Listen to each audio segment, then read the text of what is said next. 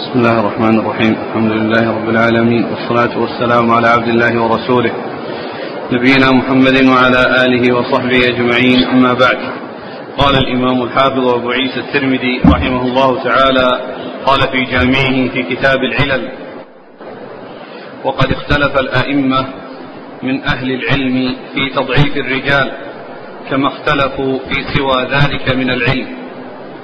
ذكر عن شعبة أنه ضعف أبا الزبير المكي وعبد الملك بن أبي سليمان وحكيم بن جبير وترك الرواية عنهم ثم حدث شعبة عمن دون هؤلاء في الحفظ والعدالة. حدث عن جابر الجعفي وإبراهيم بن مسلم الهجري ومحمد بن, بن عبيد الله العرزمي وغير واحد ممن يضعفون في الحديث.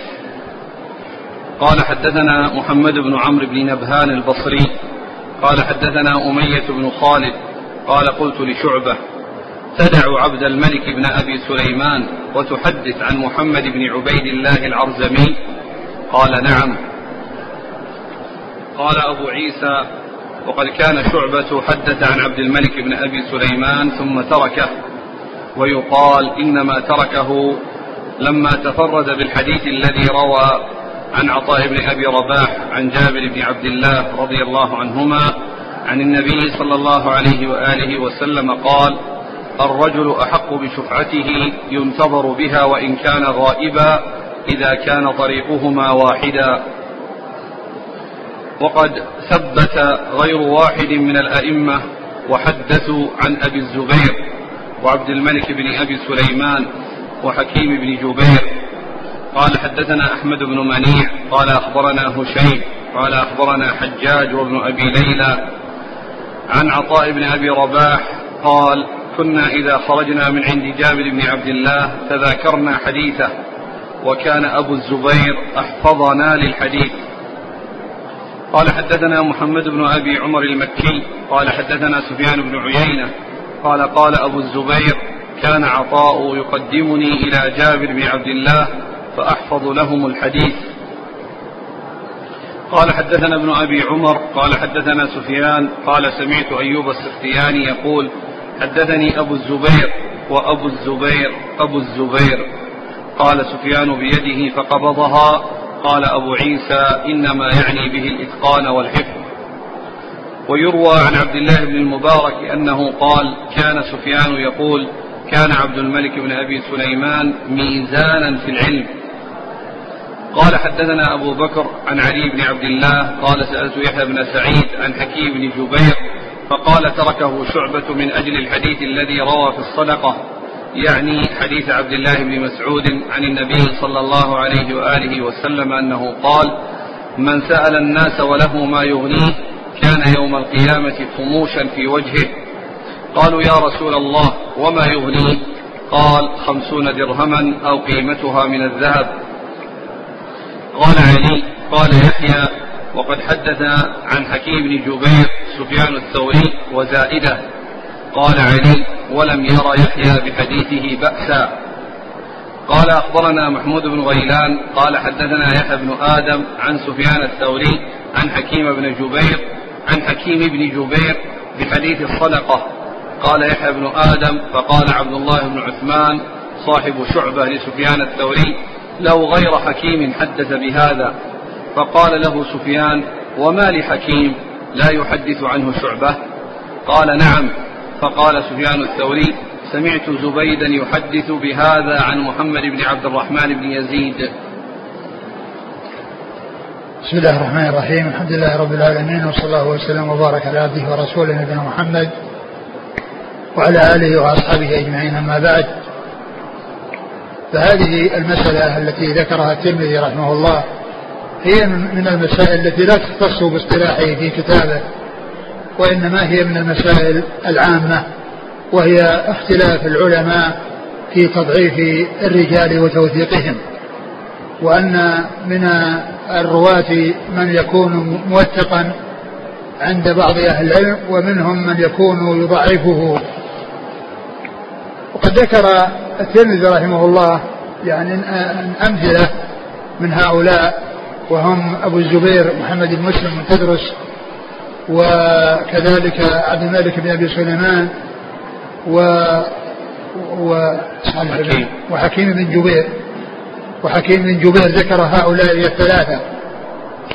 وأن من العلماء من تكلم فيهم وضعفهم ومنهم من ترك الرواية عنهم وفيهم من ثبتهم واعتبرهم أثباتا يحتج بحديثهم ويعول على حديثهم.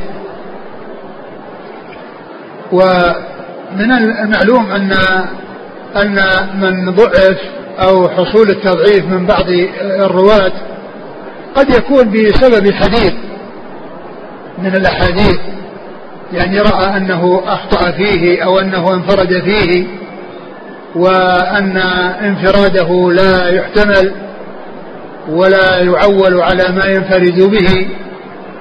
ومن العلماء من ثبت يعني هذا الذي انفرد بهذا الحديث واحتج بحديثه لا سيما إذا كان وجد ما من يتابعه ومن يعضد حديثه لمجيئه من طريق أخرى غير تلك الطريقة التي جاءت عن, عن ذلك الرجل. ومنهم من اعتبر انفراده بالحديث ولو لم يأتي ما يعضده لكنه إذا وجد ما يعضده لا شك أن الأمر في ذلك أوضح.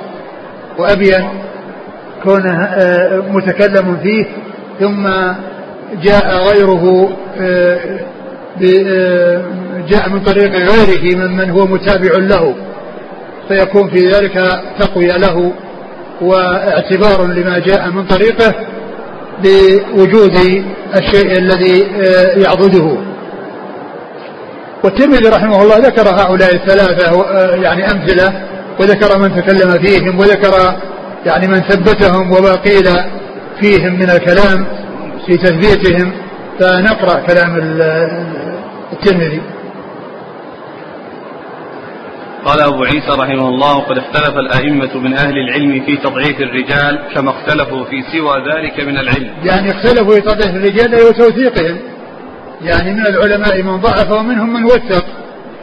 يعني شخص بعينه من العلماء من يضعفه ومنهم من يوثقه. ومعلوم أن التضعيف والجرح مقدم على التعديل إذا كان مفسرا. إذا كان مفسرا وكان معتبرا فإنه مقدم عليه. ولكنه إذا تبين أن الجرح بسبب حديث وهم فيه أو ما إلى ذلك فإن هذا لا يؤثر على رواية الراوي. وعلى هذا فإن هذه المسألة هي أن العلماء اختلفوا في الرجال توثيقا وتضعيفا وأنه قد يكون المعتبر التضعيف لأنه مفسرا وقد يكون التضعيف آه، يعني غير معتبر لكونه في أمر هين أو كونه آه، حصل من آه، شخص عنده تشدد في الرواية. أو كونه حصل منه خطأ في حديث أو انفراد في حديث فإن مثل ذلك لا يؤثر. أو كونه مثلا قالوا مثل يدخل على السلطان فإن هذه أيضا من الأشياء التي لا تؤثر على الراوي. نعم. ذكر عن شعبة أنه ضعف أبا الزبير المكي وعبد الملك بن أبي سليمان وحكيم بن جبير وترك الرواية عنهم. ثم حدث شعبة عمن دون هؤلاء في الحفظ والعدالة.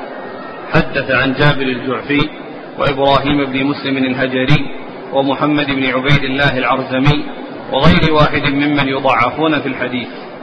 ثم ذكر عن شعبة أنه ترك الرواية عن هؤلاء الثلاثة الذين هم أبو الزبير وعبد الملك بن أبي سليمان وحكيم بن جبير. وأنه روى عن من هو دونهم. روى عن من هو دونهم كجابر الجعفي وغيره ممن هو دون هؤلاء. وهذا كما هو معلوم يعني آه، آه، آه، المحدث قد يكون يعني في بعض الأحوال يتبين له عن شخص يعني إمكان الرواية عنه مناسبة الرواية عنه وأنه أهل للرواية ثم يتبين له يعني خلاف ذلك. ثم يتبين له خلاف ذلك فيترك الرواية عنه. وقد يكون آه، ويكون أيضا روى عن من هو دونه كما ذكره المصنف عن عن عن عن, عن شعبة أنه ترك الرواية عن هؤلاء الثلاثة وفيه من هو دونهم ومع ذلك قد آه، روى عنهم. وهذا يعني والرواية عن الشخص لا تدل على التوثيق فإن الرواية أحيانا توجد ويكون المقصود بها آه، المعرفة وأن هذا الحديث ما جاء إلا من هذا الطريق التي لا يعتد بها ولا تعتبر الرواية. يعني فسبق كما سبق من ربنا أن أنه قد يروى عن من هو كذاب ومتهم بالكذب لكن لا للاعتبار به لا للتعويل عليه ولا للاعتبار به وإنما للعلم. حتى لا يأتي أحد ويذكره أو يقلب الإسناد ويأتي آه، شخص مكان شخص. فإنه إذا عرف مخرج الحديث فإن الذي يعرفه عندما يحتج به يحتج عليه به وهو قد حصل فيه تصحيح أو حصل تحريف أو إبدال فإنه يبين أن هذا خطأ وأن الصواب أنه عن فلان وفلان ليس بثقة وفلان كذاب أو متهم بالكذب نعم. حدث قال حدثنا محمد بن عمرو بن نبهان البصري قال حدثنا أمية بن خالد قال قلت لشعبة تدع عبد الملك بن أبي سليمان وتحدث عن محمد بن عبيد الله العرزمي؟ قال نعم. نعم وهذا يعني نفس الكلام الذي راح انها ترك هذا وروى عن من هو دونه. فقال تترك فلان وتروي عن فلان فيقول نعم. قال أبو عيسى وقد كان شعبة حدث عن عبد الملك بن أبي سليمان ثم تركه ويقال إنما تركه لما تفرد بالحديث الذي روى عن عطاء بن أبي رباح عن جابر بن عبد الله عن النبي صلى الله عليه وسلم أنه قال الرجل أحق بشفعته. ينتظر بها وإن كان غائبا إذا كان طريقهما واحدا. ثم ذكر أن شعبة قد روى عن عبد الملك بن سليمان وبعد ذلك ترك الرواية عنه لأنه انفرد بهذا الحديث الذي هو حديث الشفعة وأن أن أنه إذا كان الطريق واحدا يعني بين الجارين فإنه له حق الشفعة. مع أن الجار لا شفعة له على جاره إذا كان كل واحد مستقل عن الآخر. وقد جاء في الحديث أن النبي صلى الله عليه وسلم قضى في الشفعة فيما لم يقسم فإذا صرفت الحدود فإذا فإذا وقعت. وقعت الحدود وصرفت الطرق فلا شفعة. يعني معناه أنه زال الأمر الذي يقضي الشفعة لأن الشفعة إنما هي بالاشتراك. جماعة مشتركين في أرض ونصيب كل واحد مشاع غير معين وغير محدد. فإذا قسموها وصار لكل واحد قطعة استقل بها عن الآخر فإنه إذا باع أحدهما فإنه لا لا شفعة لشريكه الذي تقاسمه إياه وعرف كل واحد عرف كل واحد نصيبه وإنما الشفعة فيما هو مشاع. إنسان له النصف وآخر له النصف ثم باع نصيبه المشاع. هذا هو الذي فيه الشفعة لأن المشترك قد يأتي شخص آخر سيء المعاملة ليس مثل الشخص الذي هو شريكه. فيترتب على ذلك الخصام والمنازعة والعداوات والحزازات وإيذاء بعضهم لبعض لأن الرجال ليسوا سواء. فقد يكون إنسان يشترك مع إنسان لأنه يعجبه ولأنه يرضاه ولكن لو جاء أحد مكانه وحل محله وهو سيء لا يعجبه ذلك. فجاءت الشريعة في إثبات الشفعة في الشيء الذي لم يقسم دفعا للضرر. وهذا الحديث الذي ذكره المصنف وأن شعبة إنما ترك الرواية عن عبد الملك بن سلام لما انفرد بهذا الحديث يعني يدل على أن هذا الترك ليس بجيد ولا يقتضي أن يترك الحديث يترك من أجل هذا الحديث. بل الحديث هو صحيح. وثابت. و إن والذي يقتضي الاشتراك أو يقتضي الشفعة هو الطريق كون الطريق واحد. لأنه إذا كان آه، قطعة من الأرض طريقها واحد كأن تكون يعني في رأس سد طريق مسدود. والطريق ألو... هذا مشترك بينهما حتى يصل إلى هاتين القطعتين المتجاورتين. فإنهم مشتركون في الشيء الذي يوصل إليها. فهذا شيء مشترك. كل واحد له فيه نصيب. فكونه يأتي إنسان آخر يعني يشتري ويضايقه في هذا الطريق ويؤذيه في هذا الطريق الذي هو بينهما فإن حصول الشفعة في ذلك فيها دفع للضرر ودفع ما قد يحصل من النزاع. والخصومات التي تكون بين الناس بسبب الاشتراك. أما إذا لم يكن الطريق واحدا وإنما كل واحد مستقل على الآخر ولا علاقة له بالثاني هذا لا شفعة للجار. لا شفعة للجار في ذلك لأن هذا مستقل وهذا مستقل. والحديث ذكره الترمذي في جامعه وتكلم على عليه وبين من أخذ به من أهل العلم. والحديث رقمه 650 نقرأ من 650 هذا الحديث الآخر. اللي هو؟ من سأل الناس وله ما يغنيه. هذا هو؟ إيه. إذا 1379 1369 1800 وكم شيء؟ 1369 قال حدثنا قتيبة قال حدثنا خالد بن عبد الله الواسطي. قال عن عبد الملك بن أبي سليمان عن عطاء عن جابر. قال قال رسول الله صلى الله عليه وسلم الجار أحق بشفعته ينتظر بها وإن كان غائبا إذا كان طريقهما واحدا. قال هذا حديث حسن غريب ولا نعلم أحدا روى هذا الحديث غير عبد الملك بن أبي سليمان عن عطاء عن جابر. وقد تكلم شعبة في عبد الملك بن أبي سليمان من أجل هذا الحديث. وعبد الملك هو ثقة مأمون عند أهل الحديث لا نعلم أحدا تكلم فيه غير شعبة من أجل هذا الحديث. وقد روى وكيع عن شعبة عن عبد الملك بن أبي سليمان هذا الحديث. وروي عن ابن المبارك وقد روى. وكيع عن شعبة عن عبد الملك بن أبي سليمان هذا الحديث. وروي عن ابن المبارك عن سفيان الثوري قال عبد الملك بن أبي سليمان ميزان يعني في العلم. والعمل على هذا الحديث عند أهل العلم أن الرجل أحق بشفعته وإن كان غائبا فإذا قدم فله الشفعة وإن تطاول ذلك. انتهى؟ نعم.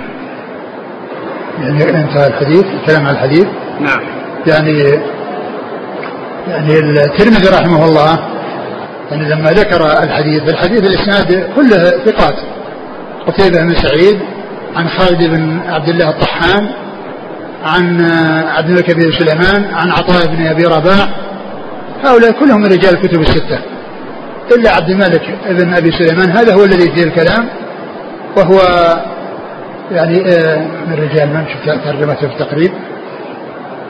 البخاري تعليقا ومسلم وأصحاب السنن يعني من رجال مسلم والبخاري روى له تعليقا والترمذي قال إنه ثقة مأمون وكذلك ذكر عن ذكر أنه ميزان يعني وهذا ثناء عليه وقال إنه ما تكلم فيه إلا شعبة أو ضعفه شعبة من أجل هذا الحديث وهذا الحديث يعني كما عرفنا يعني آه، لا يعني يتعارض مع الحديث الذي فيه فإذا وقعت الحدود وصرف الطرق فلا شفعة لأنه بمعنى من حيث الاشتراك في الطريق. من حيث الاشتراك في الطريق. فإذا لا غرابة فيه ولا إشكال فيه ولا يعارض ذلك الحديث الصحيح المتفق على صحته لأنه آه لأنه بمعناه من حيث أن أن الطريق آه، المشترك الذي بينهما هو السبب الذي اقتضى الشفعة. فيكون من جنس الاشتراك في الأرض كان المشترك هو الطريق الخاص بينهما. ففي ذلك دفع للأذى الذي قد قد يحصل من الشريك الجديد أو الجار الجديد الذي آه، يؤذيه بسبب الاشتراك في الطريق. ثم ذكر أن العمل عليه عند أهل العلم يعني أنه ينتظر وإن كان غائبا لكن إذا لم يكن بينهما طريق فإنه لا شفعة للجار. لقوله صلى الله عليه وسلم فإذا وقعت الحدود وصرفت الطرق فلا شفعة فإذا كان الشريكان إذا قسم أرضهما ووضع علامات تميز نصيب كل من الآخر فإن كل واحد يكون جارا للثاني وليس شريكا له فلا شفعة له. لكن حيث يكون هناك شيء مشترك بين الجارين. هذا الاشتراك هو الذي يقتضي آه، تسوية الشفعة له. وقال إن العمل عليه عند أهل العلم يعني يرون أن ينتظر هذا الجار وإن كان غائبا ولو تطاول. فإذا يعني علم ووصله الخبر فإن شفع فله أن يشفع وإن ترك فإن البيع يكون على ما هو عليه ولا شفعة. نعم. وقد ثبت غير واحد من الأئمة وحدثوا عن أبي الزبير وعبد الملك وعبد الملك بن أبي سليمان وحكيم بن جبير. قال حدثنا أحمد بن منيع قال يعني ثبت اعتبروهم أثبات. يعني الذي ضعفهم هؤلاء الذي ضعفهم شعبة ثبتهم غيره. فاعتبروهم أثباتا وأخذوا بروايتهم. نعم. قال حدثنا أحمد بن منيع قال أخبرنا هشيم قال أخبرنا حجاج وابن أبي ليلى عن عطاء بن أبي رباح قال كنا إذا خرجنا من عند جابر بن عبد الله تذاكرنا حديثه وكان أبو الزبير أحفظنا للحديث. وهذا يدل على حفظ ابي الزبير. وأنهم كانوا إذا كانوا عند جابر رضي الله عنه وخرجوا منه تذاكروا الحديث فيكون أحفظهم فيكون أبو الزبير هو أحفظ يعني هؤلاء فهذا ثناء عليه بالحفظ. وأبو الزبير أخرج له أصحاب الكتب إلا الترمذي إلا البخاري فإنه روى له مقرونا. يعني روى له مسلم حديث كثيرة مستقلا وروى له البخاري مقرونا بغيره. نعم. قال حدثنا محمد بن أبي عمر المكي قال حدثنا سفيان بن عيينة قال قال أبو الزبير كان عطاء يقدمني إلى جابر بن عبد الله فأحفظ لهم الحديث. وهذا مثل الذي قبله. فنقول إذا يتذاكرون فيكون النتيجة أن أبا الزبير أحفظهم وقال إن عطاء كان يقدمه يعني ما يعني يأتون به. أو يحضرونهم وإياه ليحفظ لهم الحديث لكونه آه، أحفظ من غيره. نعم. قال حدثنا ابن أبي عمر قال حدثنا سفيان قال سمعت أيوب السختياني يقول حدثني أبو الزبير وأبو الزبير أبو الزبير. قال سفيان بيده فقبضها. قال أبو عيسى إنما يعني به الإتقان والحفظ. ثم ذكر عن أيوب السختياني أنه قال حدثني أبو الزبير وأبو الزبير أبو الزبير. وفي بعض النسخ أو كثير من النسخ وأبو الزبير وأبو الزبير. أبو الزبير وأبو الزبير وأبو الزبير. مع أن الصواب أن الواو التي قبل الأخير لا توجد كما في نسخة ابن رجب وكما في نسخة آه، يعني وكما هو موجود في تهذيب التهذيب والميزان. فإنهم أتوا بها وأبو الزبير أبو الزبير. حدثني أبو الزبير وأبو الزبير أبو الزبير. وأشار بيده يقبضها يعني إشارة إلى الحفظ والإتقان.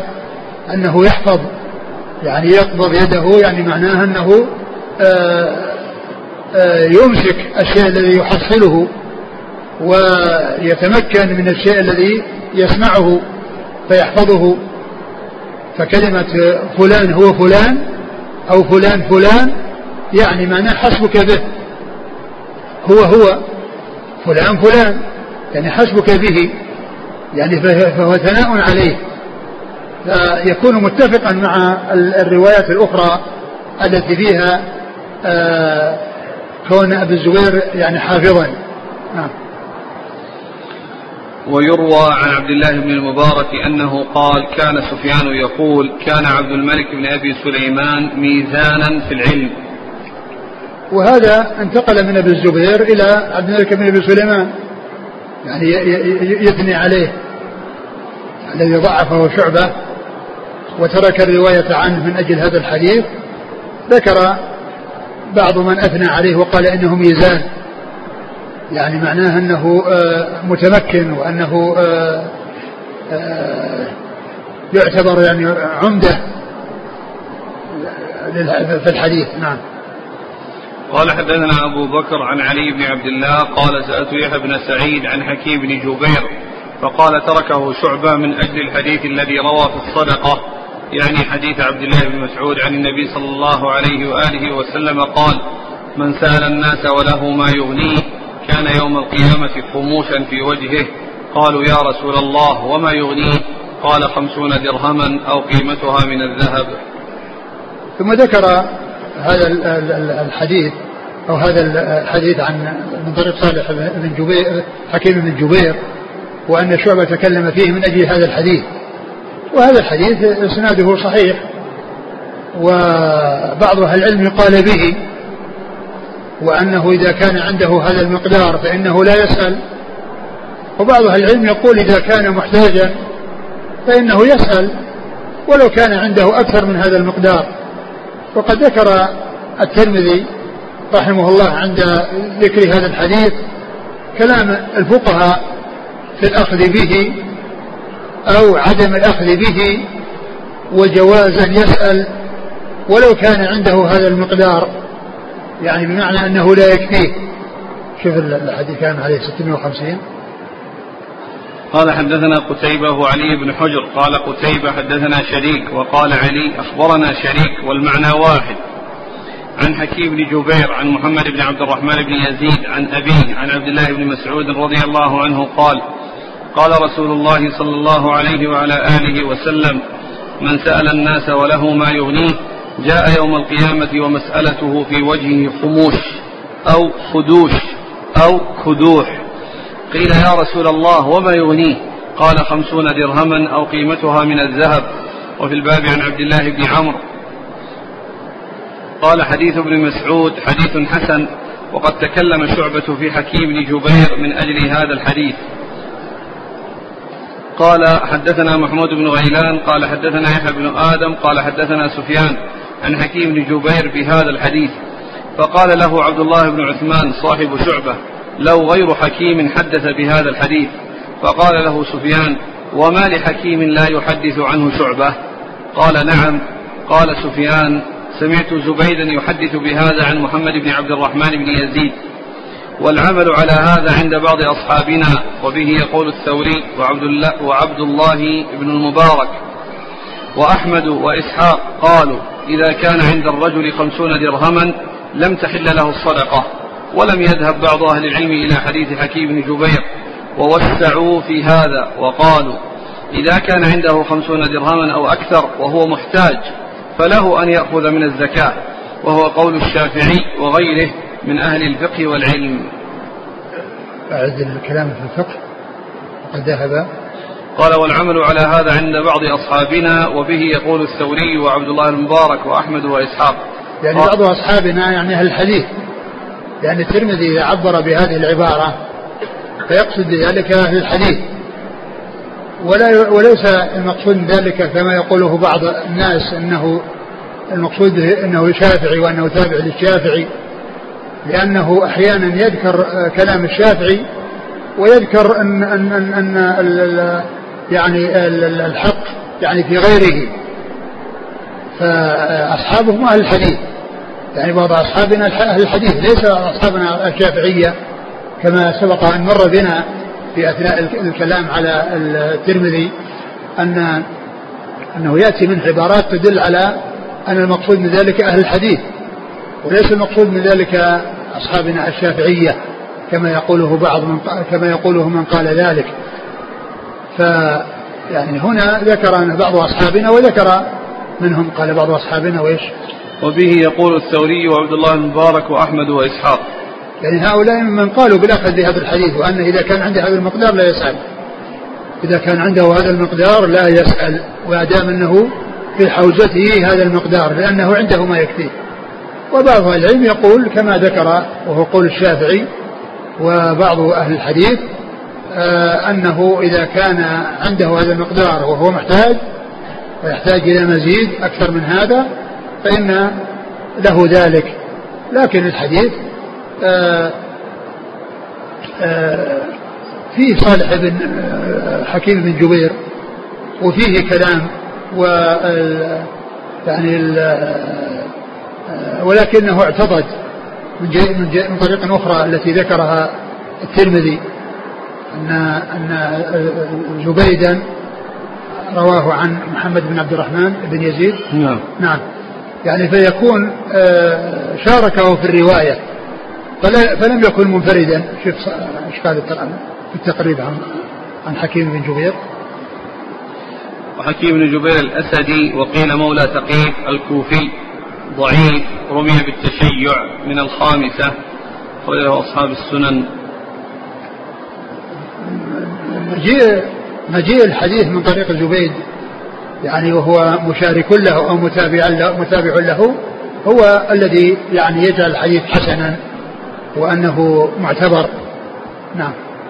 قال علي قال يحيى وقد حدث عن حكيم بن جبير سفيان الثوري وزائده. قال علي ولم ير يحيى بحديثه بأسا نعم وهذا ثناء عليه. نعم. قال أخبرنا محمود بن غيلان قال حدثنا يحيى بن آدم عن سفيان الثوري عن حكيم بن جبير بحديث الصدقة. قال يحيى بن آدم فقال عبد الله بن عثمان صاحب الشافعي لسفيان الثوري لو غير حكيم حدث بهذا فقال له سفيان وما لحكيم لا يحدث عنه شعبة؟ قال نعم. فقال سفيان الثوري سمعت زبيدا يحدث بهذا عن محمد بن عبد الرحمن بن يزيد. يعني هذا متابع له. نعم. كلام كلام الرجب لا انتهى. أيه؟ هذا آخر شيء؟ نعم. نعم ابن رجب.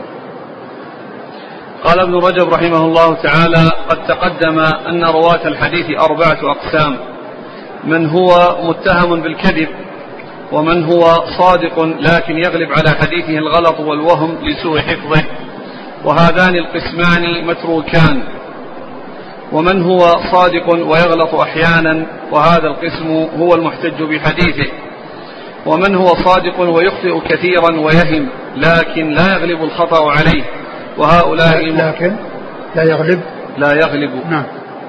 الخطأ عليه وهؤلاء مختلف في الرواية عنهم والاحتجاج بهم وسبق الكلام على ذلك كله مستوفى.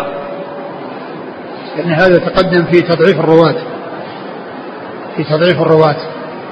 وهو المبحث الرابع من أو المبحث الرابع أو الثالث من المباحث اللي ذكرها الترمذي.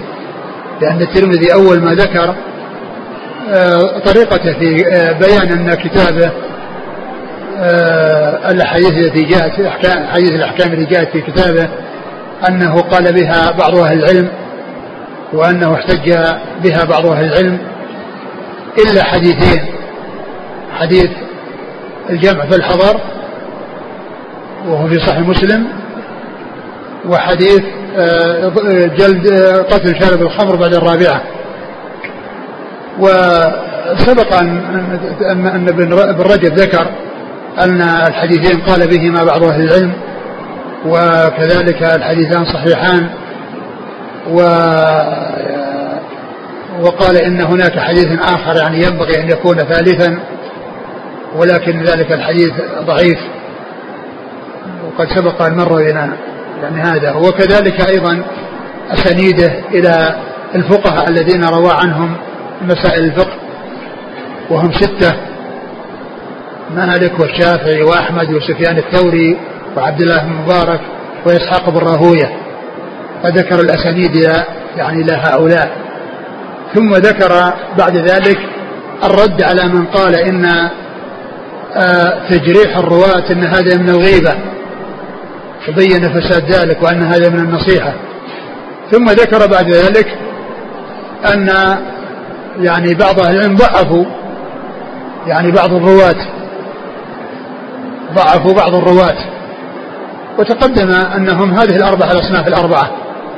منهم من يكون متهما ومنهم من يكون يعني آه، يغلب على حديثه الخطأ. يكون حديثه متروكا لأنه كثير الخطأ فاحش الغلط.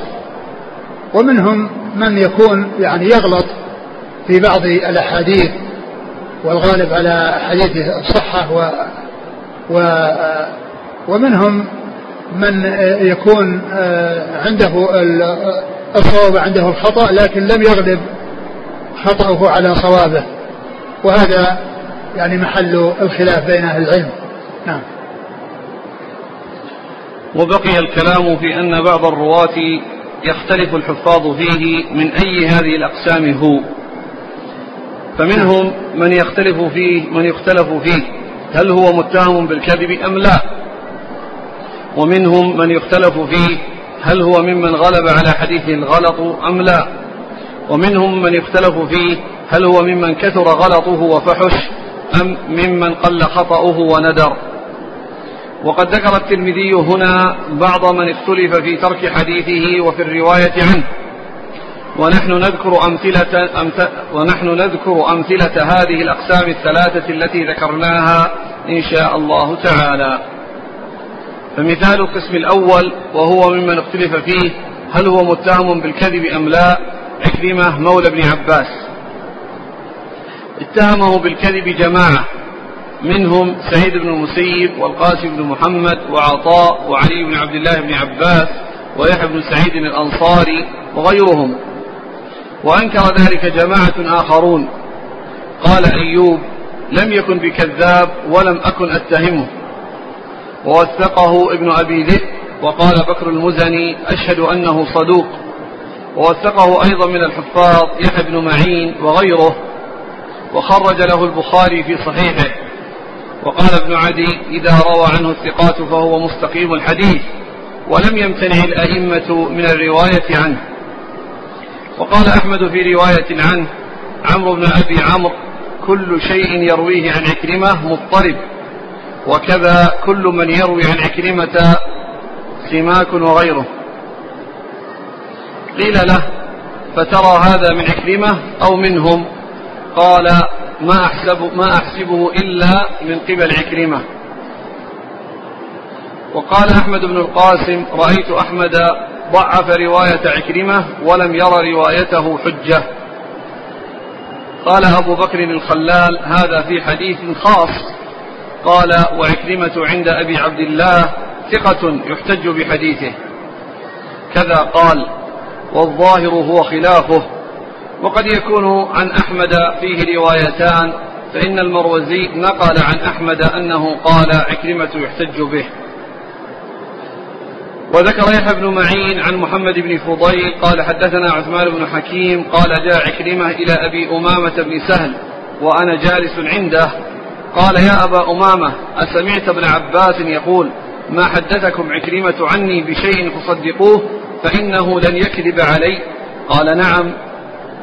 وقال ابن معين إذا سمعت من يقع في عكرمة فاتهمه على الإسلام. وقال أبو حاتم الرازي يحتج بحديثه إذا روى عنه الثقات قال والذي أنكر عليه مالك ويحيى بن سعيد فلسبب رأيه يعني أنه نسب إلى رأي الخوارج. وأما تكذيب ابن عمر له فقد روي من وجوه لا تصح. وقد أنكره مالك. قال إسحاق بن عيسى قلت لمالك أبلغك أن ابن عمر قال لنافع لا تكذب علي كما يكذب عكرمة على على ابن عباس؟ قال لا. قال ولكن بلغني أن ابن المسيب قال ذلك لبرد مولاه. وذكر أحمد أن ابن سيرين كان يروي عنه ولا يسميه. وكذلك مالك. وأشار أحمد إلى أنهما طعنا في مذهبه ورأيه. لكن روي عن ابن سيرين أنه كذبه من رواية الصلت بن دينار عنه. والصلت لا تقبل رواياته. وابن سيرين لا يروي عن كذاب أبدا. ثم ذكر آه، آه، مثالا لما حصل لمن حصل فيه الخلاف. في من وصف بالتهمة بالكذب فذكر عكرمة مولى بن عباس. وعكرمة مولى بن عباس كما هو معلوم خرج له أصحاب الكتب الستة وأحاديثه في الصحيحين كثيرة جدا من روايته عن ابن عباس. والحافظ بن حجر حرر الكلام في عكرمة وما قيل فيه. في في ترجمته في مقدمة في في في, في مقدمة الفتح في هدي الساري فإنه توسع يعني في الكلام على عكرمة وعلى حصر ما قيل فيه ثم أجاب عنها يعني جميعها وخلص إلى اعتباره والاحتجاج به وأنه إمام. والحاصل أن هذا الذي ذكره المصنف هو كلام بعض العلماء في شعبة في في عكرمة يعني من من ناحية تكذيبه أو الكلام فيه من غير في غير الكذب ككونه يرى رأي الخوارج أو غير ذلك وكلام الذين وثقوه واعتمدوه وقالوا إنه حجة وإنه إمام. و ومنهم من تكلم فيه في في رواية بعض الرواة عنه. يعني مثل ما قالوا في سماك روايته عنه مضطربه يعني عن عن عن عكرمة كذلك عن يعني عن غيره. والحاصل أن أن عكرمة أنه عمدة وأنه اعتمد عليه العلم وأنهم قبلوا حديثه وأحاديثه في الصحيحين كثيرة. نعم. وممن اختلف في اتهامه بالكذب أيضا محمد بن إسحاق وقد سبق ذكره. ومنهم جابر الجعفي وقد سبق ذكره مستوفى في أبواب الأذان. يعني هذا هذا كلام ابن رجب يعني معناه أنه شرح شرح الترمذي وأشار إلى أنه استوفى في الكلام على هؤلاء الرواة في موضعه آه، من كتاب الترمذي. نعم. ومنهم كثير بن عبد الله بن عمرو بن عوف فإن الترمذي يصحح حديثه وقد مشى أمره غير واحد وتركه الأكثرون وضرب أحمد على حديثه ولم يخرجه في المسند. ومنهم إبراهيم بن محمد بن أبي يحيى والأكثرون على اتهامه بالكذب ومثال القسم الثاني وهو من اختلف فيه هل هو ممن غلب على حديثه الوهم والغلط أم لا عبد الله بن محمد بن عقيل وقد ذكر الترمذي في أول كتابه عن البخاري أن أحمد وإسحاق والحميدي كانوا يحتجون بحديثه. وقد صحح الترمذي حديثه. وقال ابن معين وغيره لا يحتج به. وقال الجوزجاني عامة ما يروى عنه غريب وتوقف عنه. وكذلك عاصم بن عبيد الله العمري فإن الترمذي يصحح حديثه في غير موضع. والأكثرون ذكروا أنه كان مغفلا يغلب عليه الوهم والغلط. قال شعبة كان عاصم لو قلت له من بنى مسجد البصرة لقال حدثني فلان عن فلان أن النبي صلى الله عليه وسلم بناه. وقال شعبة أيضا كان عاصم لو قلت له رأيت رجلا راكبا حمارا لقال حدثني أبي. ومثال القسم الثالث وهو من اختلف فيه هل هو ممن كثر خطأه وفحش أم ممن قل خطأه؟ حكيم بن جبير الأسدي الكوفي. فإنه قليل الحديث وله أحاديث منكرة. قال محمد بن عبد الرحمن العنبري عن عبد الرحمن بن مهدي وسئل عن حكيم بن جبير فقال إنما روى أحاديث إنما روى أحاديث يسيرة وفيها أحاديث منكرات. وقال ابن المديني سألت يحيى بن سعيد عنه فقال كم روى؟ إنما روى شيئا يسيرا. وقال يحيى وقد روى عنه زائدة. قلت ليحيى من تركه؟ قال شعبة. قلت من أجل حديث الصدقة؟ قال نعم. ثم قال يحيى نحن نحدث عمن دون هؤلاء. وقد خرج الترمذي حديث الصدقة في كتاب الزكاة وحسنه. وسبق الكلام عليه هناك مستوفى. وقد احتج به أحمد في رواية عنه وعضده بأن سفيان بأن سفيان رواه عن زبيد عن محمد بن عبد الرحمن بن يزيد. وقد أنكر ابن معين وغيره حديث زبيد هذا. وقال ابن حبان في حكيم بن جبير كان غاليا في التشيع كثير الوهم فيما يروي كثير الوهم فيما يروي كان أحمد لا يرضاه. وخرج له ابن حبان حديث الصدقة وقال ليس له طريق يعرف ولا رواية إلا من حديث حكيم حكيم بن جبير. وحكيم هذا روى عنه الثوري والأعمش وزائدة وغيرهم وتركه شعبة ويحيى وابن مهدي وقيل إن يحيى كان يحدث عنه. وقال الجوزجاني هو كذاب وقد تقدم أن الترمذي حسن حديثه وقال أحمد في رواية عنه في حديث الصدقة هو حسن واحتج به. وقال مرة في حكيم هو ضعيف الحديث مضطرب. وقال ابن معين ليس بشيء. وقال أبو زرعة في رأيه شيء ومحله الصدق إن شاء الله تعالى. وقال أبو حاتم ضعيف الحديث منكر الحديث. له رأي غير محمود. قال وهو قريب من يونس بن خباب وسوير بن أبي فاختة. وقال النسائي ليس بالقوي. وقال الدار قطني متروك. وممن اختلف في أمره هل هو ممن فحش خطأه أم لا؟ عبد الملك بن أبي سليمان العرزمي واسم أبي سليمان ميسرة. قال أمية بن خالد قلت لشعبة ما لك لا تحدث عن عبد الملك بن أبي سليمان؟ قال تركت حديثه. قلت تحدث عن محمد بن عبيد الله العرزمي وتدعو عبد الملك بن أبي سليمان وكان حسن الحديث. قال من حسنها فررت. خرجه ابن أبي حاتم والعقيلي وابن عدي وغيرهم. وقال وكيع عن شعبة لو روى عبد الملك بن أبي سليمان حديثا آخر مثل حديث الشفعة لطرحت حديثه.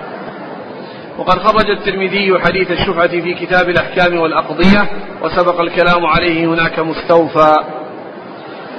وقد ذكر الإمام أحمد أن له منكرات وأنه يوصل يوصل أحاديث يرسلها غيره. وقد ذكرنا ذلك في كتاب النكاح في باب تنكح المرأة على ثلاث. وقال أبو بكر بن خلاد سمعت يحيى هو ابن سعيد يقول كأن صفة حديث عبد الملك بن أبي سليمان فيها شيء منقطع يوصله وموصل يقطعه. وقال أحمد كان من الحفاظ وكان سفيان الثوري يسميه الميزان. وذكر ابن أبي حاتم بإسناده عن نوفل بن مطهر عن عن ابن المبارك عن سفيان قال حفاظ الناس ثلاثة. إسماعيل بن أبي خالد وعبد الملك بن أبي سليمان العرزمي ويحيى بن سعيد الأنصاري. ووثقه يحيى بن معين وسئل أهو أحب إليك أم ابن جريج؟ فقال كلاهما تبتان. وقال أحمد هو يخالف ابن جريج في أحاديث وابن جريج عندنا أثبت منه.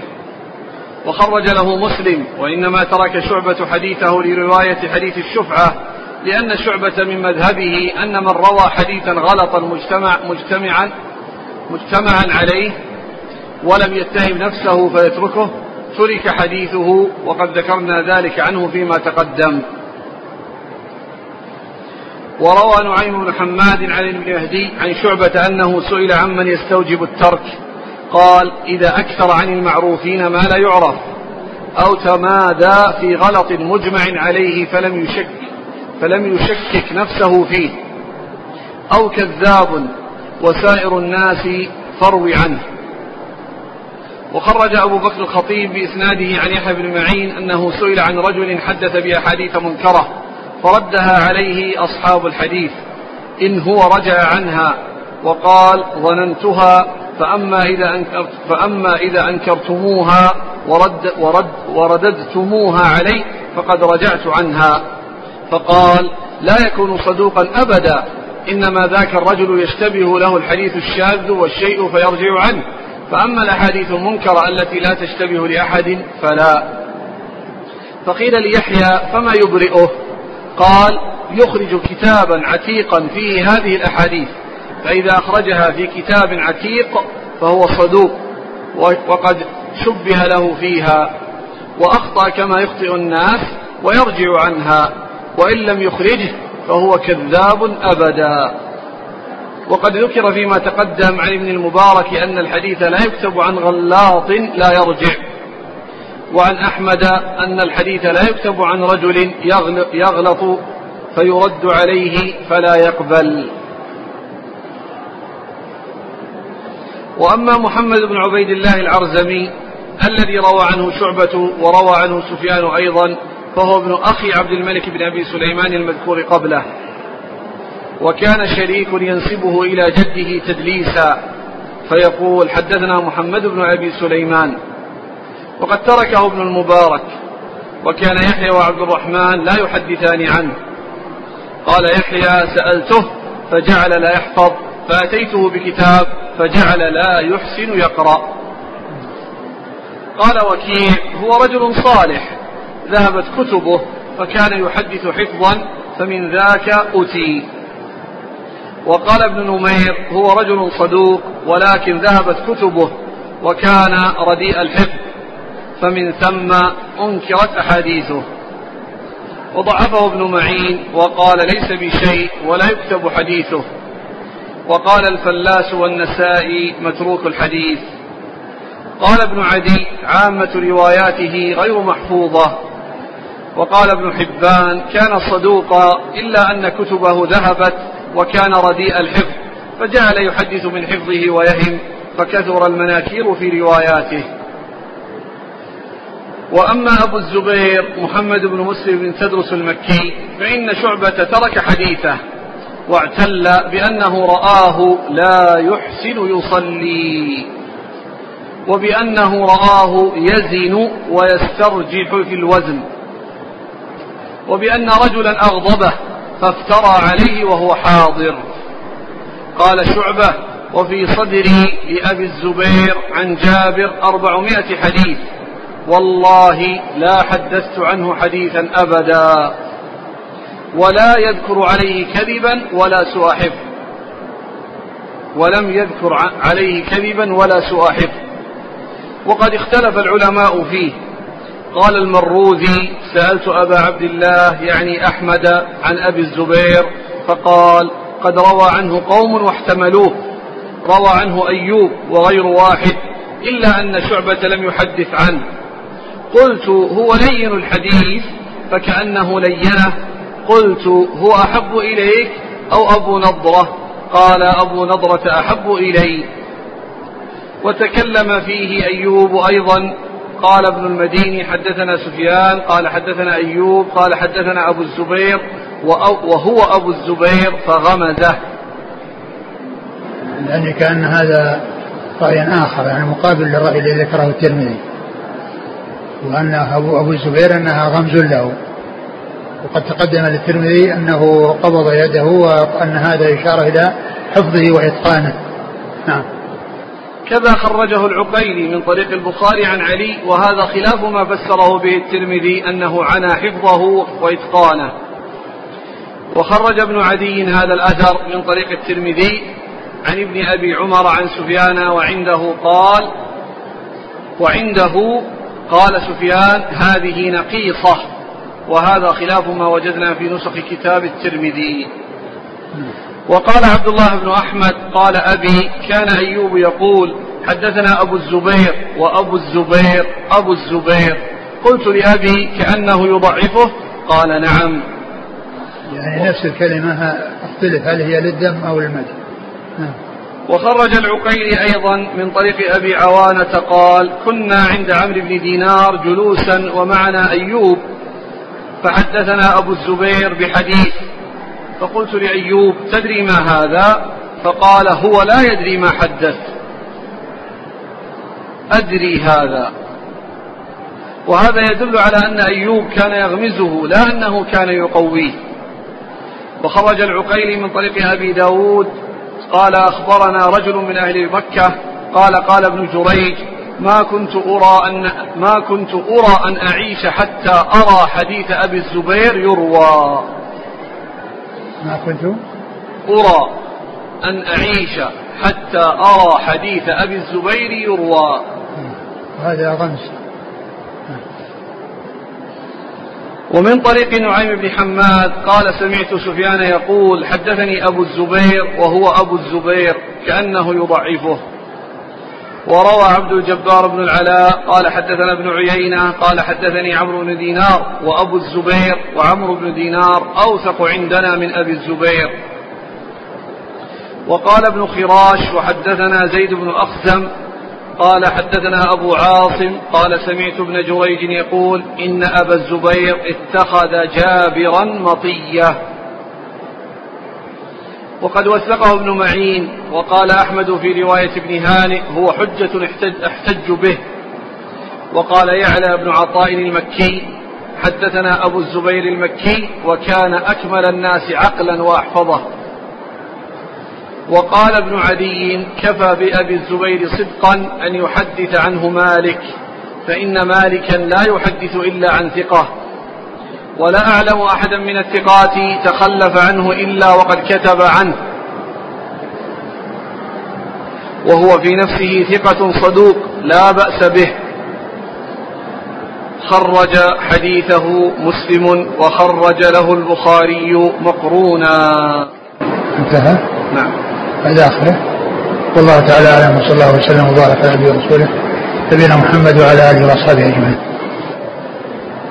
جزاكم الله خيرا وبارك الله فيكم نامكم الله الصواب وفقكم للحق. نفعنا الله ما سمعنا وغفر الله لنا ولكم وللمسلمين أجمعين. يقول السائل شيخنا هل الجرح مقدم على التعديل عموما أم الجرح المفسر مقدم على التعديل؟ لا الجرح المفسر هو الذي يقدم على التعديل. أما الجرح مع الإبهام أو قد يكون يعني قد يفسر ويتبين أنه يقدم التعديل عليه كأن يكون يعني في أمر هين أو أمر يعني لا لا عبرة به أو لا يعني لا يؤثر على الراوي. فمثل ذلك يقدم عليه التعديل لكن إذا كان مفسرا والجرح يعني فيه ذلك واضحا فإن الجرح مقدم على التعديل. يقول هل هذه المقولة صحيحة؟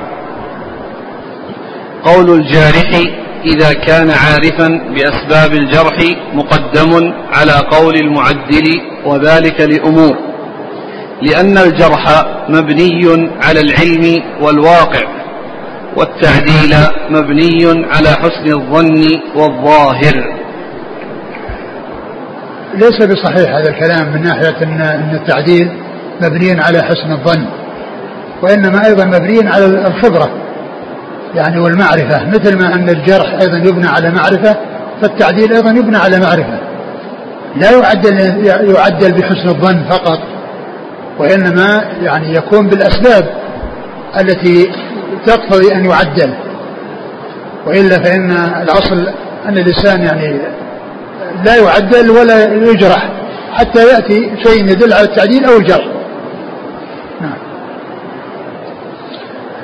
ما العمل إذا تعارضت أقوال العلماء في توثيق أو تضعيف رجل؟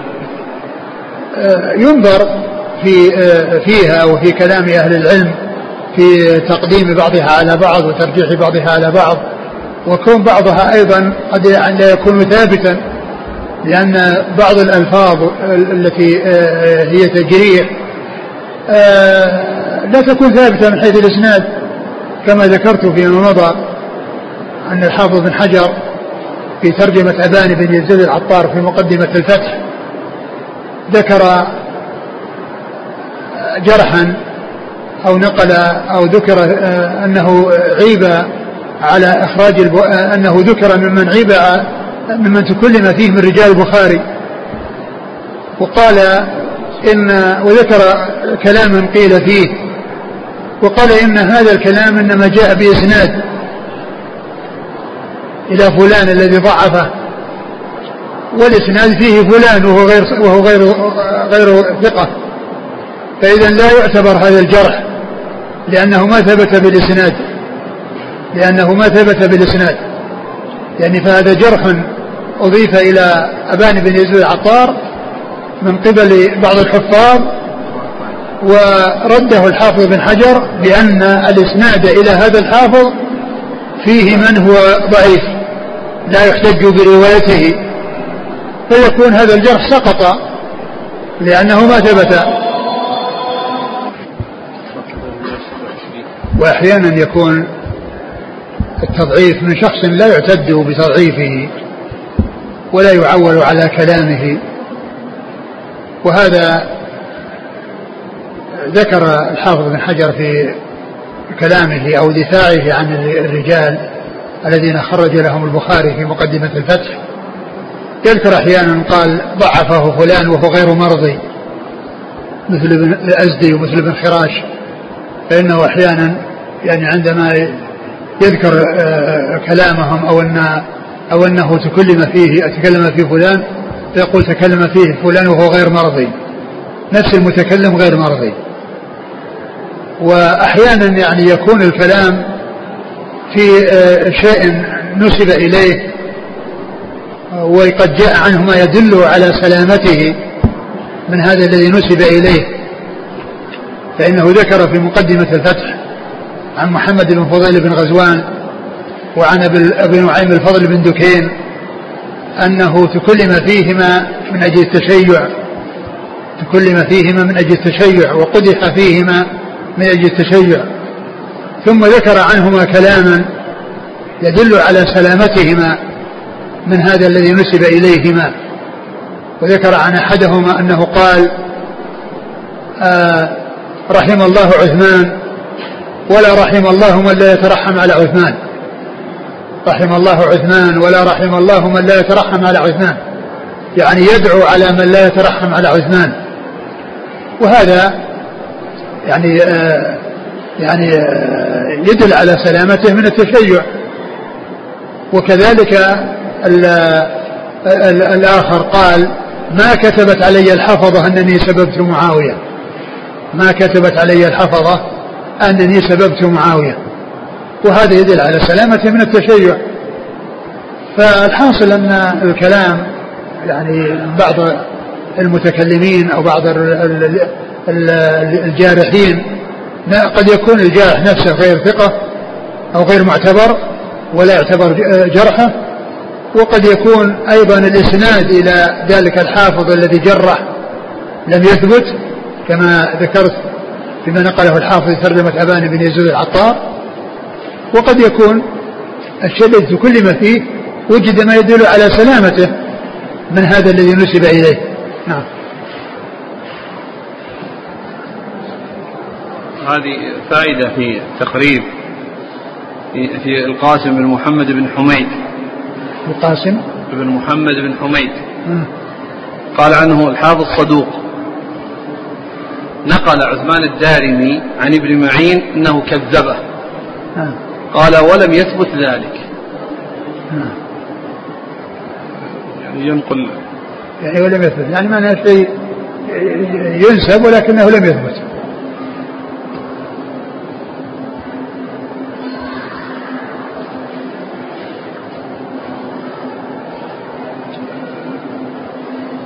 يقول السائل النبي صلى الله عليه وسلم يقول لا يدخل الجنة قاطع رحم. وفي رواية الجنة تحت أقدام الأمهات.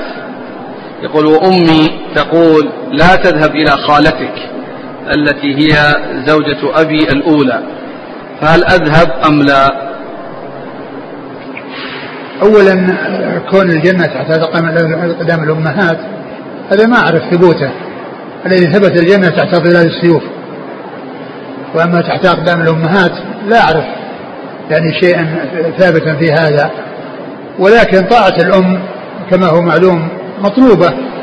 وإذا كانت الأم آه، أمرت بشيء فيه قطيعة رحم فعليه ولدها أن ينصحها ويبين لها يعني خطر القطيعة وفضل الصلة وعظيم يعني الأجر والثواب فيها ويبين لها ولا يعني آه، يقاطع يعني آه، خالته من أجل كلام أمه وإنما يصلها ولكنه يحرص على أن تكون أمه على سلامة وعلى استقامة وأن تسلم من الحقد الذي عندها على أختها فيحرص على أن تسلم من هذا البلاء الذي وقعت فيه وأن يسعى إلى سلامتها وهذا من أعظم البر الذي يحصل منه لها بأن آه، يسعى إلى سلامتها من التعرض أن تعرض نفسها للعذاب. والحديث صحيح لا يدخل الجنة قاطع. ومعلوم أن كل من مات على الإسلام لا بد أن يدخل الجنة. وإنما الذي لا يمكن أن يدخل الجنة بحال من الأحوال هو من مات كافرا. هؤلاء هم الذين لا سبيل لهم إلى إلى دخول الجنة. وأما غيرهم فالسبيل حاصل. وقد تكون الوصول إلى الجنة في أول الأمر وقد يكون بعد دخول النار وحصول العذاب فيها على ما اقترف من الجرائم. وفي نهاية الأمر يخرج من النار ويدخل الجنة. ومن العلماء فسر قوله قال لا يدخل الجنة قاطع لأنه لا يدخلها من أول وهلة. فالذين كانوا من أهل الجنة ولم يحصل منهم ما يقتضي عذابهم هم في الجنة وهو في النار.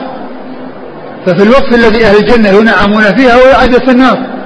لكنه لا يستمر فيها ويعذب فيها عذاب الكفار الذين لا ينتهي عذابهم وإنما لا بد وأن يخرج منها ويدخل الجنة. آه، في كلام الرجب قال وبقي الكلام في أن بعض الرواة يختلف الحفاظ فيه.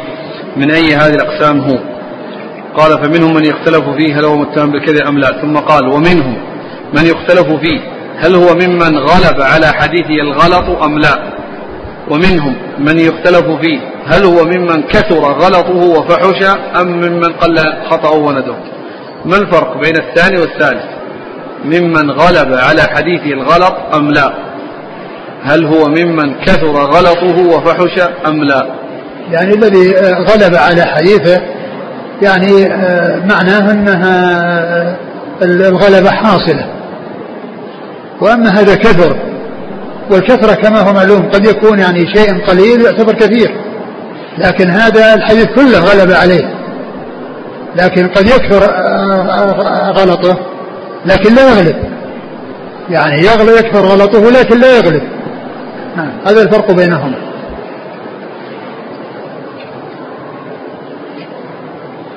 يقول آه، لو أشار فضيلتكم إلى بعض طبقات الأئمة في الجرح والتعديل من حيث التشدد والاعتدال والتساهل. والله ما أستطيع يعني أذكر يعني يعني تصنيف الأئمة أو ذكر يعني الذين هم متشددون أو متساهلون ما أستطيع. يقول هل تعتبر الشفعة في العمارات الموجودة الآن بحيث أن المدخل واحد وهذا لمن أراد أن يبيع شقته فهل له أن ينتظر شفعة جميع جيرانه في العمارة عد عد هل تعتبر الشفعة في العمارات الموجودة الآن بحيث أن المدخل واحد؟ وهذا بالنسبة لمن أراد أن يبيع الشقة فهل يجب عليه أن ينتظر الشفعة من جميع الجيران كما هو معلوم الشفعة يعني إذا يعني من يستحقها يعني أي واحد أي واحد يشفع من الشركاء إذا كانوا عدة شركاء فأي واحد منهم له أن يشفع. وليس بلازم أنهم يتفقون على على أنهم يشفعوا بل لو أراد شريك يعني هم ثلاثة شركاء وباع أحد الشركاء وأحد الشريكين يعني شفع فإن له ذلك ليس بلازم يكونوا متفقين على الشفعة. هل تعتبر متابعة صدوق كثير الخطأ للمدلس؟ كيف؟ هل تعتبر متابعة صدوق كثير الخطأ لراو آخر مدلس؟ أي نعم تعتبر. يقول لما كان أبو الزبير في هذه المكانة في الحفظ لماذا جعله المحدثون في درجة صدوق؟ يعني بعض أهل العلم مثل حافظ بن حجر قال إنه صدوق. يعني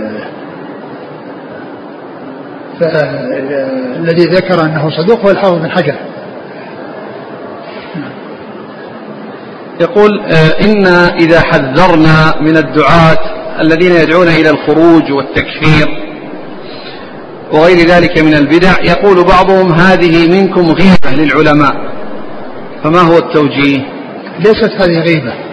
يعني هذا تحذير من الشر وتحذير من الاغترار ببعض الناس الذين يحصل منهم دعوة إلى السوء. فالنصح للمسلمين يقتضي أن يحذر ممن يحصل منه آه، إرادة السوء أو آه، يعني إرادة الإضرار بالناس عن طريق يعني نشر الفوضى أو نشر شيء يعني يوغر الصدور ويوغر النفوس ويعني يكون فيه تأثير على الجماعة وعلى آه، حث إلى حصول الفرقة. لا شك أن من يكون داعية إلى ذلك فإنه يبين خطأه ويحذر منه حتى لا يغتر به من يغتر به من الناس. علل الترمذي ترك شعبة لحديث عبد الملك بن أبي سليمان لأنه تفرد بحديث عن عطاء. السؤال ما ضابط التفرد؟ وما الفرق بينه وبين زيادة الثقة؟ كما هو معلوم هذا أنكر على شعبة وغيره خالفه والحق مع من خالفه. ولا يعني ذلك أن شخصا قدح في إنسان في تفرد وخالفه غيره أن ذلك يؤثر بل العبرة هو كلام الناس الآخرين الذين قبلوا ذلك والمعنى صحيح ولا إشكال فيه ولا يخالف الحديث الآخر الذي هو آه، في قضية آه، ضرب الحدود وصرف الطرق وأنه لا شفعة لا ينافيه. فمثل ذلك تفرده يعتبر ولا بأس به.